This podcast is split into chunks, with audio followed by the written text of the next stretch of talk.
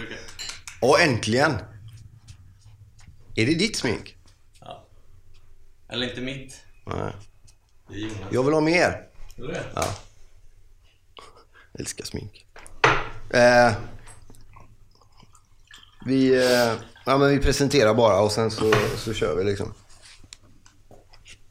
Men ska vi ta, ska vi, ska vi se, ska vi... Men bara, bara, bara innan vi börjar, eh, eller, eller ni kanske vill ta det i, bara så att jag förstår vem du är, att du kan berätta lite om dig själv. Underbart. Äntligen alltså. Ja, ja men ska, så kan vi... Vi Nej, kan men ta det i snacken Nej, nästan. men, ja, vi kan ta det kanske när vi har, har vi börjat spela in då. Att jag frågar dig bara. Ja.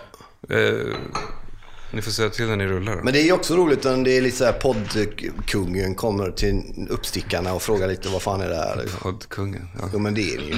Ja men du vet. Och så kommer lallarna in här liksom och hur sviter och så. I stort sett. Får jag något att dricka också Niklas, är du snäll?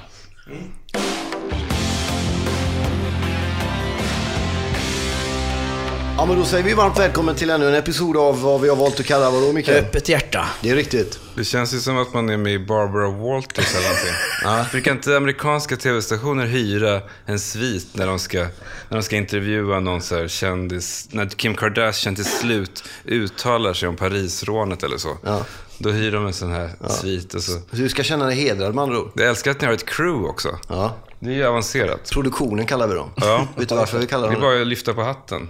Vi sitter ju i någon slags skrubb när vi poddar. Det är roligt att det går ungefär 25 sekunder, sen försöker Sigge Eklund då få oss att framstå som på något sätt etablissemanget och han och hans väns podd som eh, underground. Nej men så här är det ju. Man, jag har ju varit med i ett antal poddar genom åren nu. Och det man letar efter, ja, det känner ju du igen från när du släpper böcker. Man säger ju ja till intervjuer för att man hoppas, alltså rent egoistiskt om jag ska vara ärlig, så tänker man det kanske händer någonting som jag kan ta med mig. Det kanske händer någonting nytt i den här intervjun. Som kan vara intressant. Alltså att man helt enkelt snubblar över någonting i sig själv eller så. Och därför är man ju glad när det är, när, när det är någonting nytt. Ja. När situationen är ny. Det här känns ju inte som någon annan poddstudio till exempel. Nej. Som jag varit i. Och, och eh, samma sak förra gången som jag deltog i en podd med dig. Det var ju också nytt. Det var ju en liten, ganska primitiv inspelningsmekanism som stod mitt på köksbordet då. I ett ganska litet kök, om jag får säga det. Ja. Eh, det där, då var ju du kanske i en annan situation i ditt liv än vad du är nu. Ja, och det är inte så länge sedan ska jag säga. Det är drygt ett år sedan som vi Ja. träffades i något som heter Radio Byrå på den tiden. Det vi sitter i nu då är ju ett svitliknande hotellrum på hotell Hotell Drottning Kristina. på Birger Jarlsgatan i Stockholm. Ja, det är inte ett av de sämre rummen i alla fall. Även om det inte är en svit. Jag tror bara de har bra rum här. Okej. Men tycker du, tror du, känns det bra liksom? Känner du att, ja, men så här vill jag ha det? När jag poddar? Ja. Nej, det vill jag nog absolut inte. För att, men nu är ju ni en annan typ av podd, ska man säga. Där, ni träffar, där ni träffar människor. Då finns, finns det säkert en poäng i att, att de ska känna att det är mysigt att komma hit. Men vi som ju, jag och Alex, våran främsta utmaning efter 250 avsnitt är ju att försöka hitta någonting nytt och säga någonting vi inte har sagt förut. Alltså hamna i någon slags koncentrera, koncentration. Och då måste man försöka glömma bort att någon lyssnar. Eller i alla fall att väldigt många lyssnar. Och det, då tror jag att det är bra att vi sitter i ett väldigt anspråkslöst rum. För att eh, det blir lättare då att tänka att det är bara vi två här. Eh, än om vi hade suttit i någonting pampigare. Men ni enkelt. spelar även in när ni inte är på samma platser liksom. Och... Ja, det är sant. Om vi är bortresta eller så, så spelar vi in via Skype då. Eh, när Alex är på Gotland exempelvis eller så. Då har vi alltid massa teknikstrul och skit. De avsnitten blir... I och för sig kan det funka. Vid jul hade ni någonting, då lyssnade jag på någonting. Då var du eh, över till brorsan va? Ja, då var jag i USA ja. ja men det där kan gå båda vägar. Ibland kan det vara... Ibland kan det bli väldigt bra avsnitt. Dels för att man är ute och reser då, så man har en del att berätta. Man kanske inte har träffats på en vecka. Sen så är det ju också någonting med... Jag vet att Filip och Fredrik till och med rent fysiskt placerar varandra i två olika rum, även om de är i samma lägenhet. För att det händer någonting när man bara hör liksom, rösten. Man, eh, man, dels är man ju då i samma dimension som lyssnaren. Man läser inte in massa saker som lyssnaren inte får se. Eh, Så att, eh, när man ser personen alltså. Men det Och, ligger eh, något i det, för jag märker, jag känner också även när man, så när man vi spelar in en del samtal i telefonen och så, då blir det också väldigt mycket mer öppet så. Ja, man kan också, på ett annat sätt kanske man är på tårna, att man försöker få den andras uppmärksamhet genom sina formuleringar. Medan när man sitter mitt emot varandra så är det lätt att liksom glömma bort att vi sänder ut så många signaler. Ja. Men vi jobbar ju med rörligt material också. Jag jobbar även på, på Nyhet 24. Där ska vi jobba med någon debatt-tv-program. Och det är inne på precis samma linje där. Att man har, man delar, man har varsin kamera. Ja. De debattmottagarna. Och sen tittar man in i kameran och pratar med den som står bredvid. Men man tittar inte på den som står bredvid. Utan man tittar till publiken i kameran. Det blir mycket lättare att vara tuff då också. Jaha, ja. Därför att du slipper möta någon blick mot blick. Tittar du någon i ögonen hela tiden så, här, så är det mycket svårare att vara eh, dryg. Ja. Så det Men, finns ju eh, både för och nackdelar med det. Liksom, så En annan, så, annan anledning till att jag tackar ja, det är ju att jag fortsätter ju att vara fascinerad av dig, Marcus. Du är ju en person som jag är väldigt nyfiken på. Och eh, vilket för mig till nästa fråga också, vad, vem du är. Just det. Vem är du egentligen, Ja, Micke? precis. Att jag bara dök se- upp där. Vad sa du? Ja, precis. Jag bara dök upp där. Men vi kan väl dra historien om hur vi kom, fick kontakt med Ja, varandra? men visst. Eh, jag, till vardags så köper och säljer fastigheter. Renoverar och gör i ordning och säljer. Här Ja. uppe faktiskt, en hel del. I Stockholm. Eh, ja, men det är inte sådär att eh, det rullar en i veckan och att jag sitter och är tungt belastad utav det här jobbet så, utan det, det blir ganska mycket tristess och eh, jag har alltid varit rätt så mm, mediaintresserad och så. Då stötte jag bara liksom på Marcus i en, i en text liksom på, på nätet. Så tänkte jag, men var är han någonstans? Och så började jag liksom kolla och så titta tillbaka och så här. Tänkte att ja, men han vill jag prova att göra någonting med, för jag, jag kände liksom, här skulle det kunna gå att göra något riktigt bra. Och eh, jag letade som bara den liksom. Och sen så fick jag ta på hans farsa. Och så det är liksom eh, lurade honom till att ge mig telefonnumret. Och så ringde jag upp Marcus och ja, mer eller mindre snodde han. Och sen var det... Ja, vi, kom, vi hittade varandra rätt snabbt liksom. Så att eh, det är på den vägen. Har du sysslat någonting med radio förut? Eller? Aldrig. Nej. Nej, men det var det som var så helt galet. Eh, han ringde när jag var i Ängelholm och han stod på en takterrass där och pratade med dig eh, ute. Och, och sen en vecka senare träffades vi och då hade han köpt den här utrustningen för en massa pengar och, och tänkte ja, men det här verkar vara seriöst. Och sen, sen är det ju allt, allt det här mediala arbetet och genomslaget som vi delvis har fått, det är ju Mikes förtjänst, det är inte min. Så jag märkte ju att han var driftig och att han, han snackade inte bara utan han fick liksom saker gjorda. Nej, men jag kör hårt liksom. Och vi, vi, vi kör inga mellanting, utan eh, ska vi göra så ska vi göra ordentligt. Och eh, jag tycker vi har börjat bra. Sen är det ju väldigt eh, intressant att du kommer hit idag, för att du har massor med frågor att ställa så, för att ni har ju någonting som är, har lyckats och som ni har gjort jäkligt bra och vill gärna ha lite åsikter om hur, hur sen har du kanske inte hört vad vi har gjort än hittills, men Nej, tyvärr. Sen vet jag inte heller om, om jag kan svara på varför det vi gör är bra eller så. Det brukar ju vara så att man kanske inte till och med är sämst person att svara på det. men bra, det funkar. Men det är en version av det ändå. Ja, jo, det är kanske sant. Men jag menar, jag satt och kollade på någon intervju med, med Lars Norén här, häromkvällen. Eh, han är ju liksom alltid spännande tycker jag. Och han sa det också att han är ju... Det första man frågar är ju var han får inspirationen ifrån. Hur kommer det sig att han skriver om det här, just det här just nu och så vidare. För det är samma sak med skrivandet menar jag. Man är ju, det, inte bara så att man är sämst, den sämsta på att svara på det. Man är också, eh, man är också själv in, nästan lite rädd för att besvara det. Mm, Varför? Eh, Alltså, nu, det finns ju olika filosofier för olika författare. Arbetsfilosofier, vad man ska säga. Därf- nej, men jag har väl kanske varit, alltid varit... Därför har det också varit svårt för mig att komma vidare varje gång jag skrivit en bok. För att jag har alltid verkligen velat skriva om någonting som jag inte vet var jag ska hamna någonstans. Alltså att jag ska verkligen försöka jag, jag är väl egentligen bara det, är bara, det är väl bara en sån sak som kan få mig att känna engagemanget som räcker. Det behövs ju ett enormt engagemang om man ska skriva 300 sidor. Eller man skriver 600 sidor innan redigering. Men handlar det inte också om att det man, det man gör vid sidan av då, i ditt fall att du gör, jobbar med, med helt andra typer av snabba sociala medier, står på scen, poddar, den typen av kickar. Är ju, alltså skriva roman ger ju inga kickar Ja, fast jag på ett annat inte, det- sätt. Liksom. Har, det har, tror har du inte tålamodet att skriva romaner längre? Nej, men tror det eller ej, att skriva, för jag säger skriva för det är ju skrivande, att förbereda en podcast. ja. Eh, det är ju, det påminner ju ganska mycket om att skriva en roman. Eh, alltså, till viss, vissa delar av det i alla fall. Att man sitter i en eller två dagar innan koncentrerad och försöker leta i sig själv. Ibland är det ju rena medieanalyser eller humorinslag eller samtidsanalyser. Men var och varannat avsnitt så finns det ju inslag som liknar essäer eller noveller nästan. Alltså, där vi försöker hitta någonting där vi skriver om vår egen utveckling eller våra egna känslor. Det är också ett skrivande menar jag.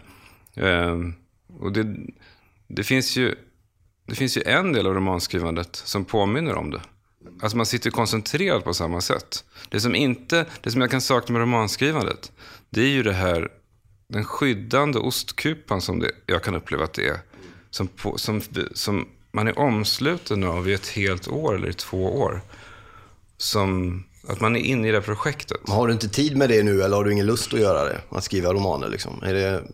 Nej, alltså, Är du på en om jag annan inte, plats? Nej, men om, jag, om jag inte hade upplevt det här innan jag började podda så hade jag nog skyllt det på podcasten. Mm. Då hade jag svarat att eh, jag är splittrad av det här att vi ska göra en poddavsnitt varje vecka. Mm. Men jag minns ju att det här hade inletts sedan innan vi började podcasta. Den här stora känslan av att jag fortfarande befinner mig i någon slags baksmälla. Trots att det har gått tio år efter att jag skrev boken om min barndom. Ja. Alltså, baksmälla i bemärkelsen... Jag, må, jag vet att jag måste skriva på ett nytt sätt nu. Att, Men du har ju gett ut böcker efter det som är skrivna på nya sätt. Det, det, det låter ju lite konstigt. fast jag vet inte om jag har det riktigt. Jag skrev då Varulvsvalsen. Ja, Men den var ju skriven ja innan ja, just det. barndomsboken kom ut. Jag skrev också en spänningsroman. Mm. Och det var mer av, på något sätt var det mer av ett hantverk. Alltså, kan jag skriva en spännande roman som ändå är filosofisk? Och som inte bottnar alltid i det personliga. Typ. Nej, inte någonting egentligen. Så att jag har egentligen inte skrivit, kan jag tycka, på samma sätt som förut, efter 2005. Ja. Hur är din relation med din familj? Har den sabbats efter den här... Det är 1980 har börjat snöa. Nej, det, den har blivit bättre. Ja, okej. Så det är ingen sån grej som gör att du blir liksom... Nej, mer att jag känner att någon... En, det fanns en besatthet verkligen. Som, som i de här romanprojekten. Då pratar jag om de tre romanerna, alltså innan, innan det här hände. Som jag inte kan få tillgång till längre. Alltså besatthet vid att det här ska bli den största romanen som har skrivits. Det kan man ju skratta åt nu, som ingen av de tre romanerna sålde ju särskilt bra. Men jag var ju... Varför ska man skratta åt det? Nej, men jag menar, om man inte har skrivit... Om man tittar på försäljningen så kanske man tycker att, hur kunde man tro det om Synantrop som sålde 1000 ex? Men det, jag tror att det är varje författare känner det i alla fall någon gång under det att man skriver en bok, att, att det här kommer bli någonting som ingen har sett förut. Och den känslan var fantastisk. Och det var en trygghet i den som jag saknar. Vart tar du din identitet då? Är, är du skraj att den förflyttas, att det blir mediepersonligheten och den här som är med på, liksom, på toppnyhet på nöjessidorna om att ha sagt något om någon ihop med någon annan? Eller är du författaren fortfarande? Eller skiter du fullständigt i hur folk ser på dig eller hur du ser på dig själv? Men jag har ju, mitt liv har ju varit så pass... Det har ju sett likadant ut i alla år egentligen. Ja, fast medialt har det ju, är det ju större. Ja, men det förstår jag. Men jag menar, Det kan ju påverka ens självbild. När man Ja, börjar men det kan, det kan om. påverka ens självbild en dag eller två dagar. Men i grunden så gör jag ungefär samma saker nu som egentligen när jag var 12 år. Jag, är ju, jag har ju haft lyxen att kunna, eller lyxen, många gånger har jag, jag har fått betala ett ekonomiskt pris för det. För i många år har jag varit väldigt fattig. Men jag har ju varit i min lägenhet sen jag var liksom fem år gammal. I mitt pojkrum eller vad man ska säga. Och gjort ungefär samma saker. Och, och där, därför så är jag ju liksom, på ett sätt kan jag tycka att jag är, jag är skyddad från, från sånt. Från att jag, från vad jag, min image skulle, om den skulle förändras eller om jag skulle bli kritiserad i media eller sådär. Eftersom jag har så pass trevligt, tycker jag. Men har det inte så också att du har varit mycket smartare än många andra? Och omgett dig med rätt folk. Alltså kom, är man liksom med den här, för du har jobbat med Filip och Fredrik och, och sådär. Alltså är man på den sidan med de vännerna och har, då är man ju säker på något sätt. Ju- man kommer ju inte åt det för att ni är så jävla stora med och håller varandra bakom ryggen lite. Men jag vet inte säker i, i vilka sammanhang. Du, du har rätt i att det, det, Filip och Fredrik skulle ju inte, de skulle inte göra ett hånande eh, inlägg i Breaking News om mig. I så mått jag är säker.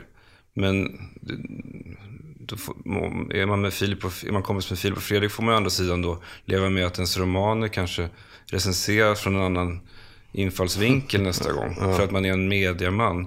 Så då har man ju ändå betalat något slags pris för det. Så att jag, jag- det har ju i alla fall inte funnits något strategiskt eh, beslut i att lära känna Filip och Fredrik. Jag har ju hela mitt liv varit väldigt intresserad av underhållning. Ja. Så att, att få jobba med dem då under två år var väldigt spännande. Men, men om vi återgår till podden då, men även om du säger att du kanske är den sämsta, jag håller inte med om det, det är din uppfattning av det, men du har ändå en version av varför du tror att, att den är så populär. Eh, vad, vad- är din analys av det? Liksom? Hur tänker du kring det? Att det har gått så bra och Nej, men- fortsätter gå bra? Jag, jag kan i alla fall utgå från, från hur det känns för mig när jag lyssnar på andra poddar. Då menar jag då inte den typen som ni gör, utan just dialogpoddar. Jag lyssnade ju både på den som du gjorde med din fru, och den, eller exfru, Ja, och den som du gjorde med eh, den här mannen från Dagen. Jag kommer inte ihåg hans Ja, världen är Lukas Bergen, ja. Exakt, det. ja. Mm. Jag tycker att det händer ju någonting mellan två personer som, återigen, som de två personerna inte är medvetna om, tror jag. Jag tror inte att jag kan riktigt liksom kartlägga vad som händer i lyssnaren. När den personen målar upp de här två rösterna. Alltså jag tror att det händer på några sekunder bara. Så blir de här två personerna två roller. Som när man tjuvlyssnar på någon på bussen. Och det som händer mellan dem blir då av någon anledning ibland mer spännande än när två andra pratar. Jag, jag har ju genom åren haft olika teorier att bland annat, och det tror jag fortfarande på, så är det ju lätt att känna sig utanför om de här två, om de här två är för överens. Att det känns liksom lite kladdigt. Och, Det finns ingen plats för en lyssnare Nej, komma in. precis. Även om de, man skulle hålla med om allt de säger så blir det liksom, det blir för sockrigt ju. Det finns en övermättnad ganska snabbt. Man, man vill, mycket mer spännande då att höra två personer. För det är ju min övertygelse att, att vi människor inte har något, vi har inte ett jag så att säga. Vi har ju alla, alla har vi ju liksom olika röster inom oss. Och då tror jag att att det händer någonting mellan mig och Alex som kanske påminner om det som händer i lyssnaren. De här rösterna som finns i lyssnaren. Alltså att vi, vi har ju en dialog inom oss hela tiden. De poddar som är framgångsrika tror jag, de, de påminner lyssnaren om den här dialogen som pågår inom dem hela tiden. Alltså om man vill förenkla kan man ju säga så här att jag, Alex är mer impulsiv, kanske mer känslostyrd och jag är mer kontrollerad och liksom vetenskapligt skolad och så. Ja. Och det är ju, alla människor har ju de sidorna inom sig.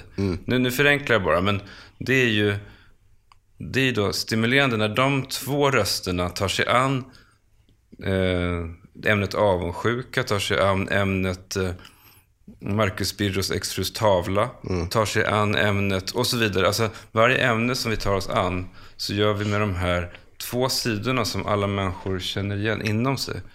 Och det, det tror jag kan vara nyckeln till framgång. Jag slogs av när jag, när jag ringde till dig, eller pratade med dig första gången i telefon där. Ja. För Då har jag ju egentligen bara hört på podden. Ja, Du, och sen så hör jag dig när jag pratar med dig direkt så i telefonen. Att man vad varm man låter. Du tycker att det låter kallare i podden eller? Ja. Eh, Men då, då är det ju liksom en, det är ju eran kombo så att säga. Eh, Jag hör ju inte bara dig i, i podden, men, men jag tän- tänkte säga att jag, det ändrade sig liksom precis när jag pratade med dig i telefon. Det var inte vad jag förväntade mig. Gud vad intressant. Nej, men jag håller med om det. också. du, du, ja, Ja, för, men ja, du, men det var, det var, för det var det för mig också, för jag blev väldigt så här, Ja. eh, ja men precis som att du har pratat med någon i telefon och sen så träffar du den för första gången. Så var det när jag pratade med... Men du, men du tror inte att det har att göra med, beror på ämne också?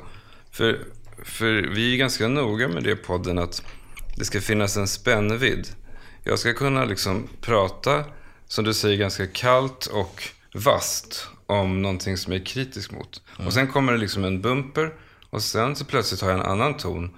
Och då pratar jag om att min dotter mådde dåligt igår för att.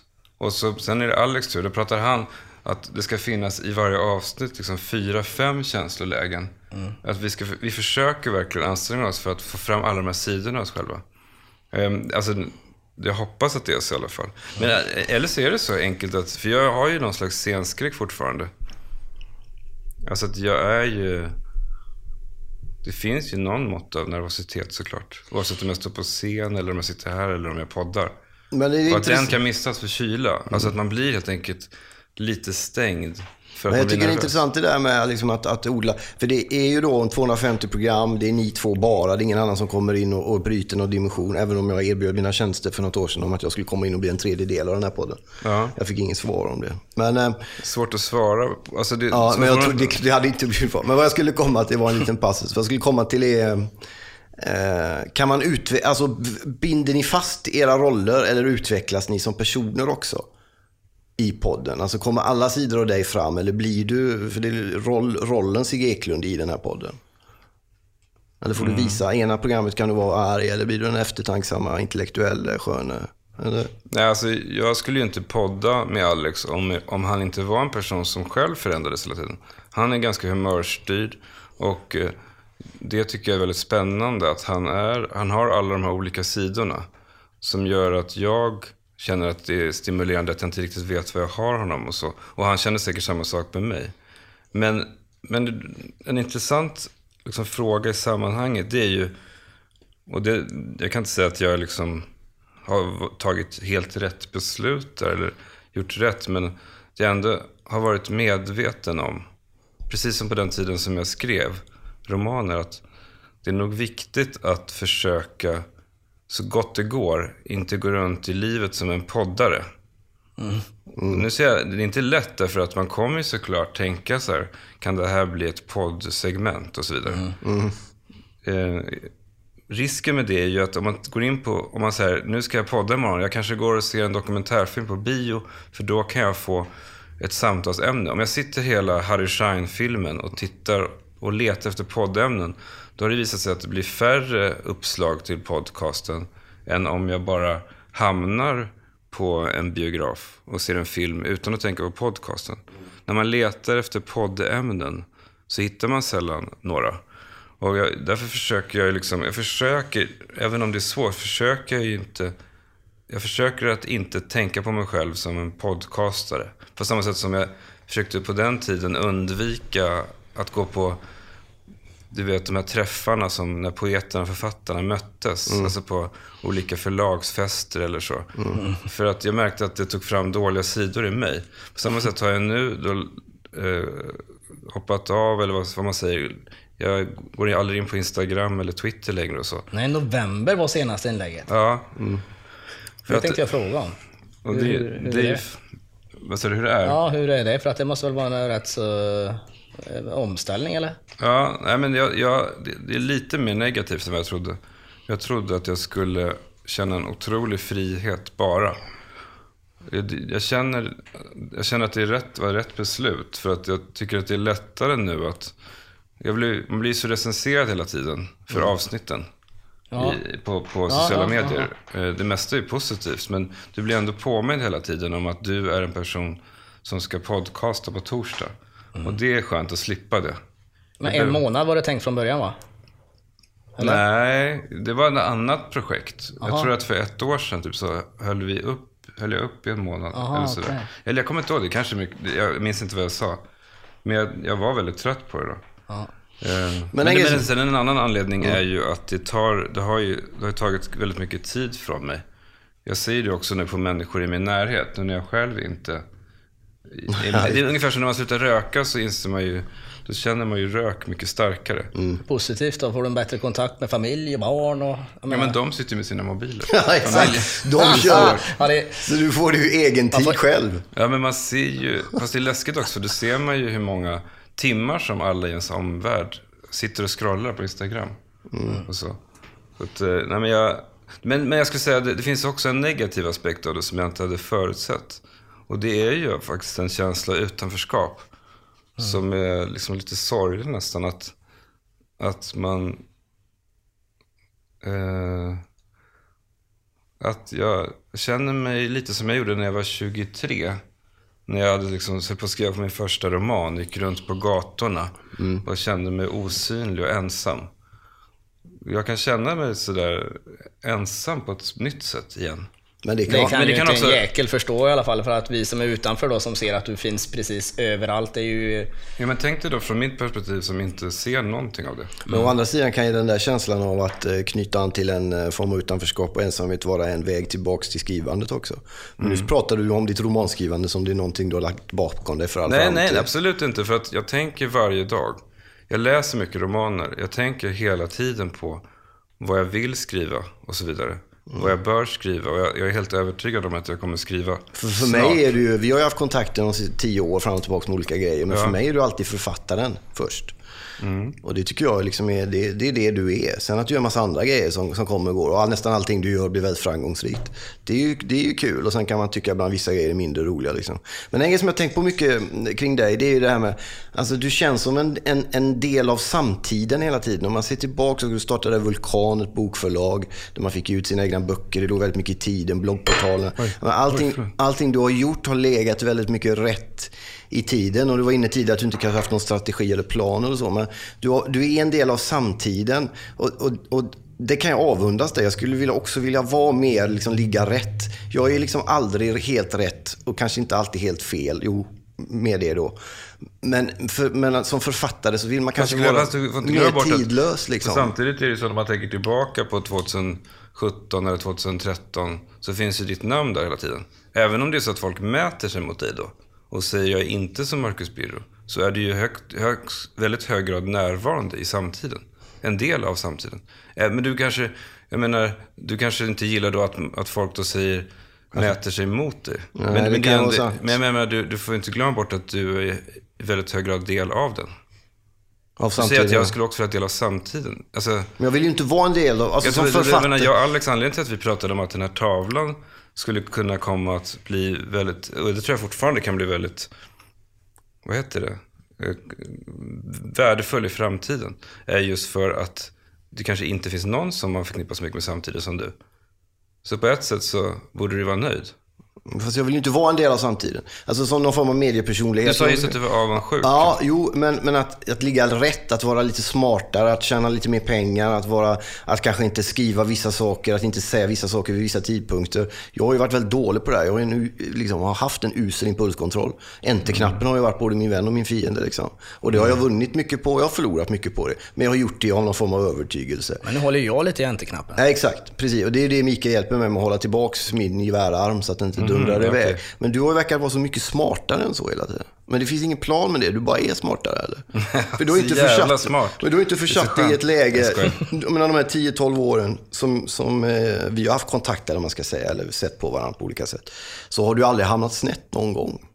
Men det beror på vad man menar. Alltså, från mitt perspektiv så, så har jag ju uppenbarligen... Ja, men Alltså, om, jag din exempel- om ni skilde er och din exfru skulle sälja en... Du skulle inte, alla medieredaktioner i hela Sverige skulle ju inte liksom börja hånflina att nu har Sigge... Utan, fattar du? Du har ju hamnat i ett annat läge än vad jag befinner mig i. Och det har ju du gjort genom att ha gjort smartare val genom vägen på något sätt. Det är det jag är ute efter lite. Ja, men, eh, alltså, jag tror mycket av det du pratar om har att göra med att jag jobbade med internet första tio åren efter jag tog studenten. Alltså bloggportalen Vulkan och så att, att det, det var då jag råkade vara del, det var ju en ren slump egentligen, att jag råkade bli del av någonting som då var modernt. Det här nya internet och sen då var, ju, det var det ju nära till hands för mig att börja blogga tidigt eftersom jag jobbade Men det är inga med- andra journalister som tycker illa om dig. Men det, det kan du inte mena väl? Kulturjournalisterna Ja, men de- har bara skrivit fast- negativt om mig? Ja, jo, jo. Men Sen det, jag- det, det kan sen vi jag ju... började på poddar. Ja, det är väl ändå... fast de hatar ju alla som inte Jo, är som det är de. det som... Det är väl det som... eh, Det kan väl... Det sårar ju mig mer egentligen. Men är du förbannad på dem? Kan du säga det till dem i din podd? Att nämna de här jävla manchesterbrallorna på DNs kultursida? Det gör jag faktiskt åt, återkommande. Bra. Men, men du, i och för sig, du har rätt. Om jag ska vara transparent så hade jag ett väldigt ganska hatiskt inlägg som jag klippte bort. I senaste avsnittet. Och då tänkte jag på det, är det feghet eller? Men, jag, men det är inte feghet. Det är mer att jag är liksom... Jag är nog... eh, Och det, det, det kan jag ha haft... Nu har jag liksom förlikat mig med det. Men länge hade jag var väldigt självhatisk för att jag tyckte att jag var färglös i det att jag var nyanserad. Att jag inte hade så mycket åsikter. Därför att de bröt alltid ner när jag försökte liksom förklara Men och sen försökte du- jag förklara förklaringarna. Så att åsikterna, bröt- de, liksom, de föll alltid samman. Den enda starka åsikten jag hade, det var det här med ateismen. Men även den har ju med åren brutits ner i... Nu säger jag att jag är fortfarande ateist, men jag har ju varit väldigt intresserad av att prata med religiösa människor. Om att jag börjar tänka mer och mer att jag är religiös. Att jag lever ett religiöst liv i det att jag sitter hemma och studerar det som de kallar för Gud. Den här innersta ljuspunkten. Det är det som jag har gjort i alla år. Och sen så tror jag ju att den, det där ljuset är i hjärnan. De tror att det är ett högre väsen, eller vad man nu vill kalla det. Och, men jag, är- det, det- till och med, jag försöker säga, till och med ateistståndpunkten håller på att liksom, di, di, di, bli mer och mer diffus. och nu, nu har jag sagt så här, jag ska inte hata mig själv längre för att jag inte har några åsikter. Jag kommer ihåg en av mina så här, mörkaste till, till ögonblick i livet var på en fest när jag var typ 21. Och jag hörde två snygga tjejer som jag gillade. De, de hör, visste inte att jag hörde dem, för jag stod liksom bakom väggen. Och så sa den ena till den andra, de pratade med mig. Då sa hon så här, han har liksom ingen personlighet. Det så jävla, det gjorde så ont. För att Den måste bita. jag visste ju att det var det som jag kände att jag var mest självkritisk till. Jag pratar lågmält, pratar långsamt. Åsikterna blir aldrig starka för att jag försöker alltid, och det vet jag inte var det kommer ifrån, försöker så förklara för mig själv var den andra kommer ifrån. Det, det har också varit en röd tråd i podcasten. Så här. Men, men kanske Trump-väljarna, de kanske bara, och så försöker jag förklara, kan inte jag hata dem heller. Men nu så har det varit, visat sig vara en styrka i podcasten. Mm, det det passar också perfekt bredvid Alex som är mer färgstark som, som personlighet. Då blir det liksom, om han hade varit som jag hade det kanske blivit jättejobbigt att lyssna på. Nu blir det stimulerande att vi har de här två olika sidorna. Och då kan jag äntligen, på det sättet har ju podcasten varit ett sätt för mig att acceptera mig själv ju. Mm. Där blir det, det, det mediet, då, det blir till en, där blir det till en styrka kanske.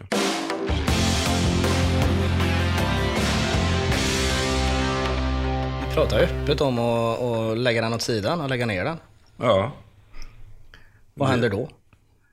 Nej, men som jag sa tidigare, det, är ju, det händer ju inte så mycket. Om man, liksom skulle, om man skulle se det med en helikopter uppifrån, 2010, alltså innan jag eh, började podda, då sitter jag ju där på exakt samma ställe som jag sitter nu, i mitt vardagsrum. Samma vinylskivor är på, samma knapprande på datorn, bara det att istället för att skriva på ett poddavsnitt, eller som 2010 skrev jag på en roman, så skriver jag då på något annat, kanske ett filmmanus, jag vet inte.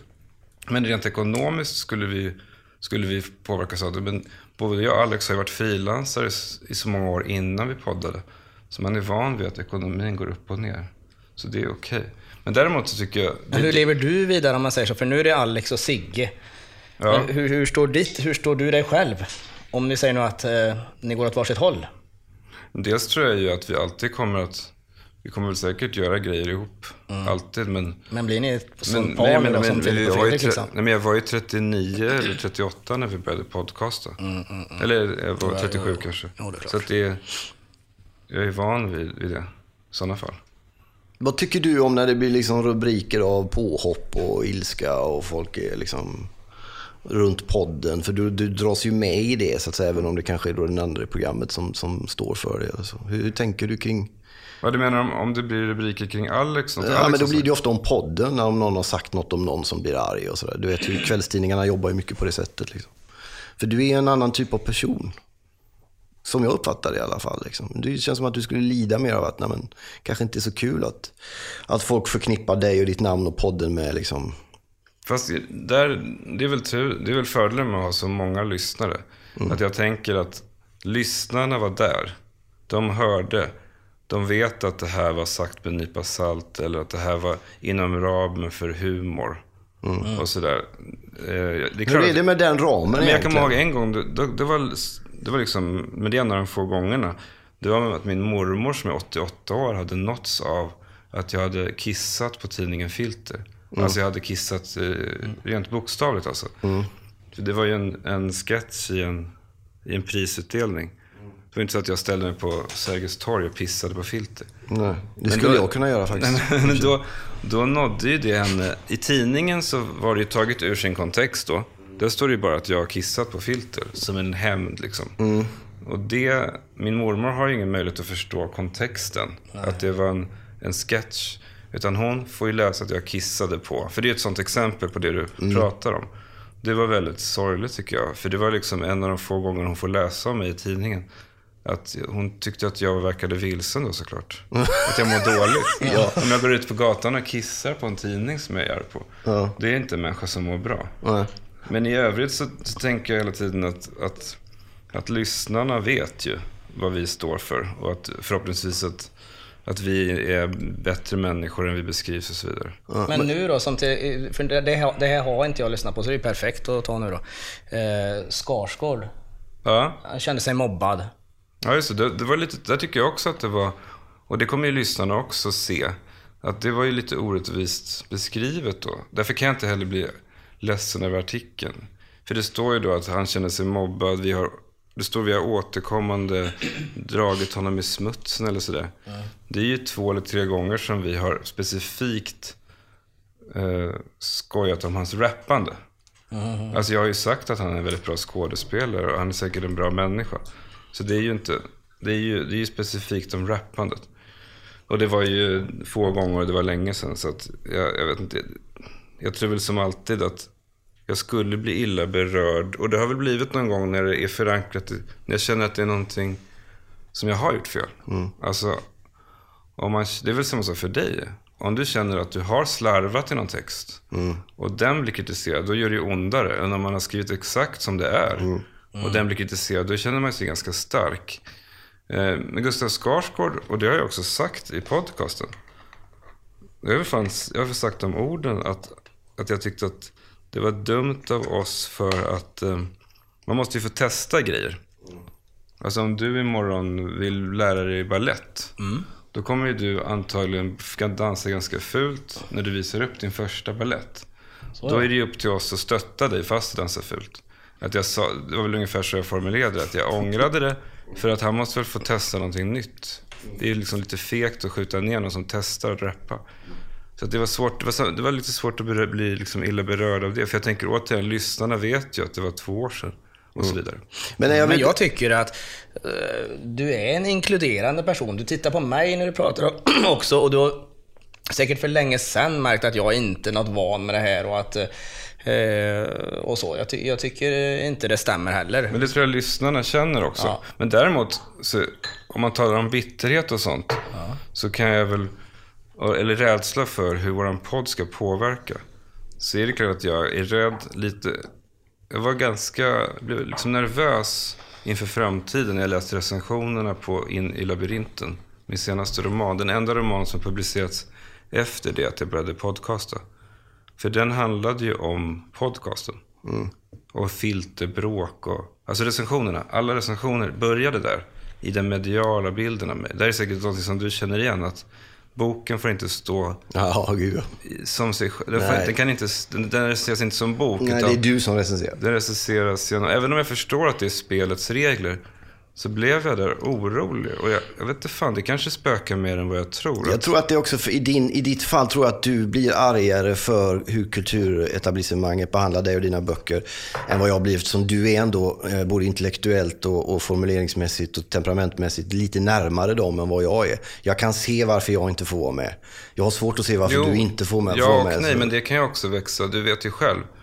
Man hatar ju ofta det som är nära en. Mm. Det kan nog göra att jag blir ännu mera liksom, hatisk. Mm. För det är liksom, min fru kan ju ibland reagera över att jag blir argare över någon formulering i en kultur, på en kultursida. Än att det förekommer trafficking eller svält eller så. Ja. Mm. Det är ju egentligen omöjligt att liksom motivera att det är så.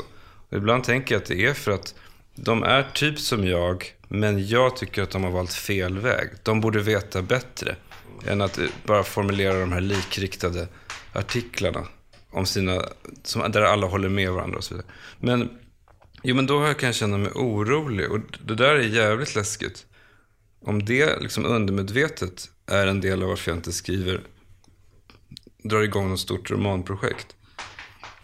Att jag någon slags, någonstans undrar om det är värt det. När jag vet att, jag vet i princip att hur bra boken är, jag tänker jag, så kommer den, de, inte, de kommer läsa den med ett aggressivt... Men det är ju inte de man skriver böcker för. Man skriver ju för, Nej, jag vet. Jag, vet. andra. jag säger inte att det här präglar mig. Jag säger att jag är rädd, är orolig för att det eventuellt finns där undermedvetet. Och det vore jävligt hemskt. Jag vill stanna kvar lite grann vid humorn där, för jag tycker det är intressant det här med humorns gränser sa du innan här. Att, men för, förhoppningsvis förstår lyssnarna att vissa saker är inom humorn. Så. Och jag tycker att det där är ett jävligt slentrianmässigt sätt att liksom behandla saker och ting. Gardell och, och, och Bettner och hela det där jävla gänget, de kör alltid det. Det är bara roligt liksom. Gardell brukar citera Bette Midler där, if you can't take a joke, fuck them och sånt. Ja. Tills man börjar skämta själv om att han raggar, eller liksom skriver sexistiskt som programledare med Melodifestivalen. Då skickar han privata hatmejl till en, då är det inte så jävla roligt längre. Liksom. Är allting okej bara för att någonstans att man, den som levererar det säger att Nej, men det där är humor, det får du ta. Det är ju samma argument som de som snurrar handdukarna i omklädningsrummet hade. Om de blir ertappade. Ja, lilla Nisse har blivit piskad, men det var ju bara på skoj. Nej, men... Vem har tolkningsföreträdet? Om det är roligt eller inte? Nej, men tittar man på den, det, den humor då som vi, när vi gör humor, så, eller jag kan bara tala för mig själv. När jag gör humor i podden så har du ju rätt i att det bygger ju alltid nästan på eh, någon slags övertygelse i grunden. Alltså att man skulle, som, som vi sa tidigare med Filip och Fredrik, jag skulle ju inte, man skulle ju inte göra humor, humor om någonting som inte förtjänar det, så att säga. Så i den bemärkelsen så är det ju inte bara humor. Det finns ju någon, någonting där under. Alltså om man tar, jag vet inte om det är det du syftar på, men, men att humor om, om tavlan till exempel. Nej, det inte det jag tänkte på nu, men, men om man kan ta den. Men så rent allmänt, det fattar ju också jag att det, det är humor. Men jag pratar ju mer om liksom... Nej men det är humor också för att ni, ni har ju båda två, både du och Jonna har ju själva lyft, bestämt er för att vara gifta i offentligheten. Alltså ni poddade tillsammans. Du skriver till och med en bok om det nu. Ni har varit ganska öppna med det, pratat öppet i. Därför, skulle, därför så blir det ju då, det här blir ju en förlängning av det. Man skulle ju inte göra humor om, jag vet inte vilket annat par det skulle kunna vara. Om det var ett par som aldrig har berättat någonting i offentligheten. Nej. Varit väldigt hemliga. Och sen så kommer tavlan ut till försäljning. Då är det ju bara sorgligt. Men jag, jag, jag håller med, för att lite så är det att eh, den som leken ger får leken tåla också lite. Man får, man får kanske... Ja men absolut, och det har jag ju lärt mig liksom, den hårda vägen och det har tagit lite extra lång tid för mig att fatta det uppenbarligen än vad det kanske skulle gjort för andra. Men är det någon som får tåla leken runt det här bordet så är det ju ändå jag. Jag har faktiskt gjort det och sen har jag väl på sista tiden blivit något bättre på att tåla den hela vägen. Men jag är inte ute efter så mycket just dig och, och, och podden, det är ju mer Men allmänt. så här, jag vill bara säga bara innan vi släpper det.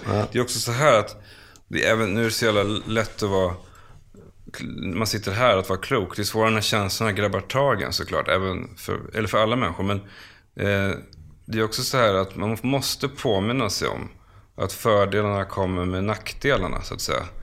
Eh, de här, allting som är positivt med det vi gör, podcastandet alltså. Att vi får säga vad vi tycker, att vi får beröm, att vi får pengar, att vi får göra det vi gör. Samma sak som för dig, det som är positivt med allt du gör. Det, det går liksom inte, det finns ingen offentlig person där, den, där uttrycket inte kommer med, med negativa aspekter. Förutom också. Måns Zelmerlöw. Men tror du om du skulle prata med Måns. Zelmerlöw, då skulle han säkert ha Det mass... Det skulle kanske såklart. visa sig att han är jättebitter över en viss musikjournalist som han har liksom felaktigt Ja, fokuserat men på. ju. Eller något hat. Och det där han... tar jag åt mig definitivt då. Det tror jag du har rätt och det tror jag Nej, men jag jag kan- säger inte att jag Nej, men du har tänker en det poäng. alltid, men det, men det finns en... Jag försöker Jag tror också så. varför jag, jag har reagerat ibland att, att folk tycker att jag gnäller för mycket. Och då har jag alltid sagt, men vad fan det är ju synd om mig. Det har inte en massa jobbiga saker. Och då har jag inte riktigt väckt in det här argumentet i sammanhanget. Okej, men du är liksom, kolla vad privilegierad du är också. vad du får göra, vad du får ge ut. Ja, liksom, och, och då får man kanske faktiskt ta lite grejer, även när, om och när de grejerna är, som man uppfattar det, orättvisa. Det kommer med paketet liksom. Ja, jag, jag, det gjorde- betyder otroligt mycket för mig att stöta på Håkan Hellströms Flashback-tråd och läsa om hatet mot honom. För jag trodde väl typ som du sa med Måns Zelmerlöw nu, att eh, liksom, Ja, man, ja, man, är ju vara som Håkan Hellström, där man är bara är omtyckt av alla. Men inser att han är också jättehatad. Han Och lider av det vet jag. de- Alltså, han, lider, han skriver ju låtar om liksom, att nu Ja. kommer de plocka ner mig och, det är bara dags snart då.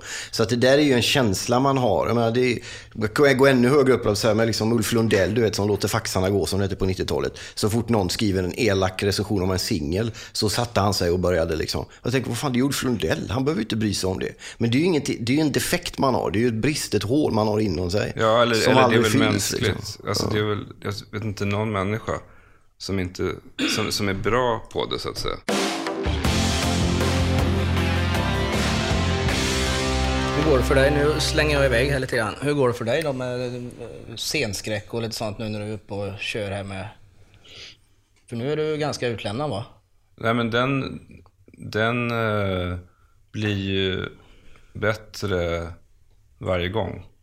Alltså, om man har en ny föreställning, som vi hade premiär 25, 26 januari. Så redan efter två veckor så är ju scenskräcken borta i princip. Får du Men- kick av det då nu? Är det kul liksom? Vänta, jag ska, bara, jag ska svara på det. Jag ska bara säga, men, men i podcasten så är det ju ny, det är nytt liksom, ämne varje gång. Det är någonting helt nytt. Eller det är så vi vill göra i alla fall. Och därför så blir man ju lite nervös. Eller när man ska vara gäst i en podcast så blir man ju lite nervös. Jag tror att det aldrig kommer gå bort helt. Min tröst är väl att när man pratar med skådisar och folk som är mycket på scen så har de flesta det. Alltså det verkar vara någon slags dödsdrift att man söker sig till scen om man har scenskräck. Men oh, förlåt, vad var det du sa?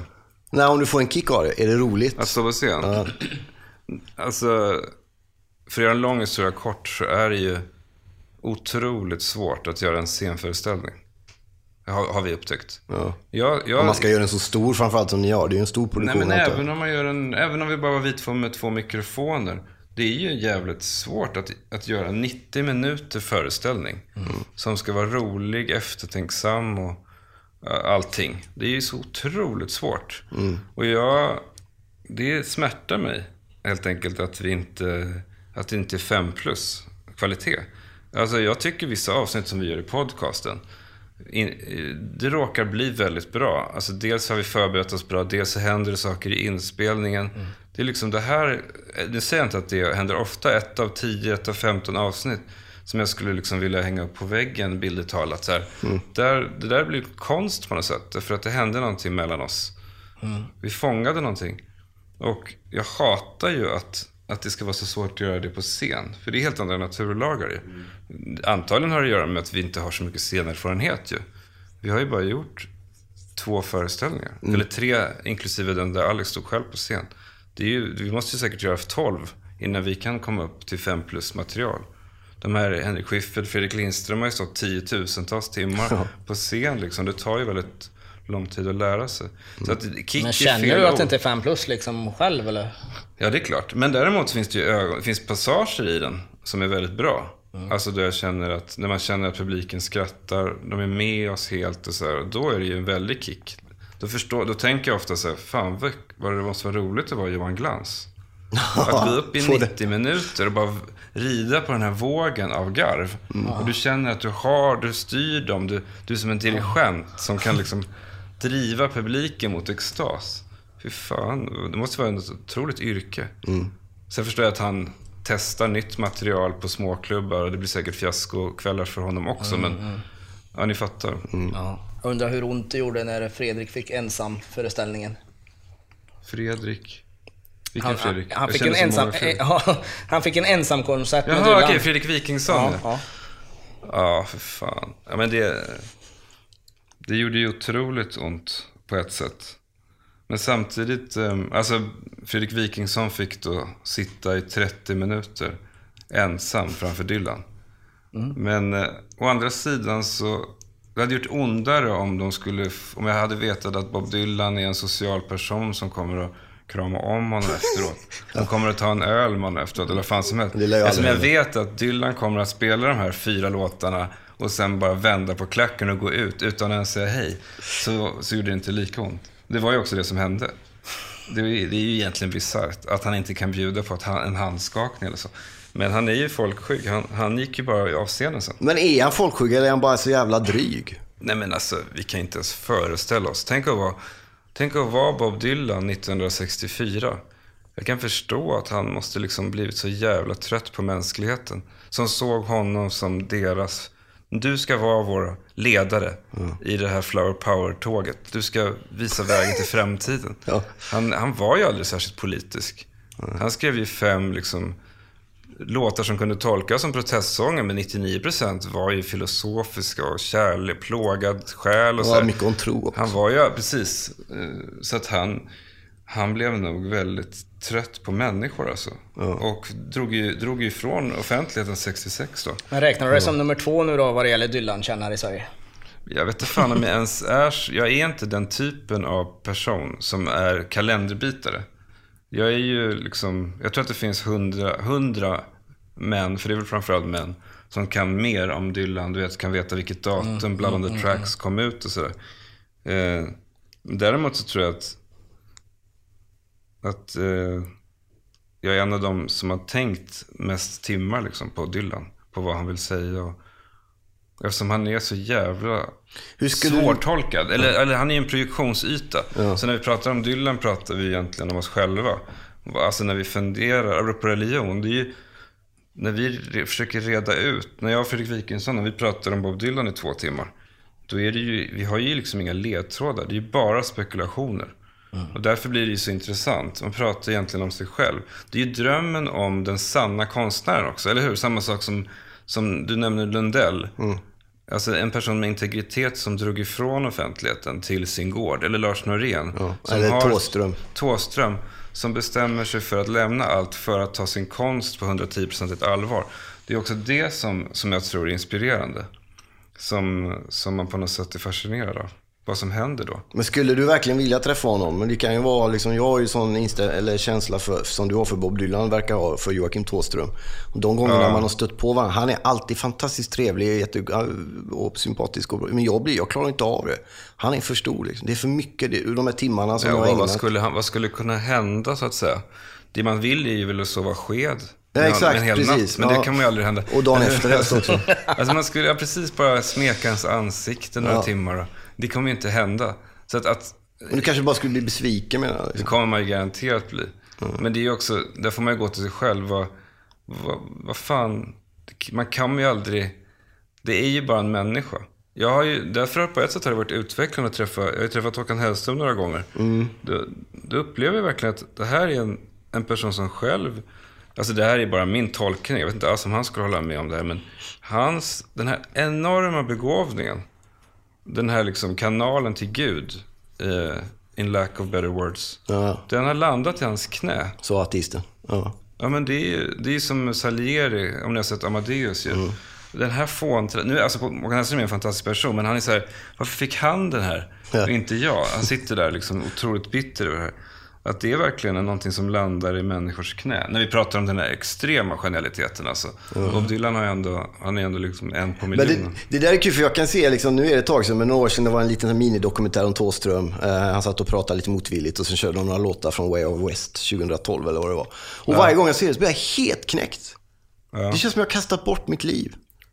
Varför var jag med i Let's Dance? Liksom? Varför ställde jag upp på det? Varför gjorde jag de och de och Men är de och de en, grejerna? Alltså, är det inte en tröst att... Men man finns ju bara en Thåström. Jag vet, fast inte, det är liksom. inte en tröst att... Ibland brukar jag tänka att Håkan Hellström har aldrig varit på en Håkan Hellström-konsert. Nej. Och Thåström har aldrig fått uppleva det du upplever. Nej, det är sant. Det är För sant. han står där och är nervös, han får inte sjabbla. Nu kommer snart gitarrsolot. Och så här, han måste, nej vänta, vi glömde ju en låt, vi får köra den efteråt. Alltså, han får inte uppleva Nej, det fyllas av. Thåström liksom. Han missar sig själv. Ja, verkligen. Ja, det är sant. Där är du liksom en app på honom. Ja, Ja, det har du en poäng faktiskt. Jag bär med mig det.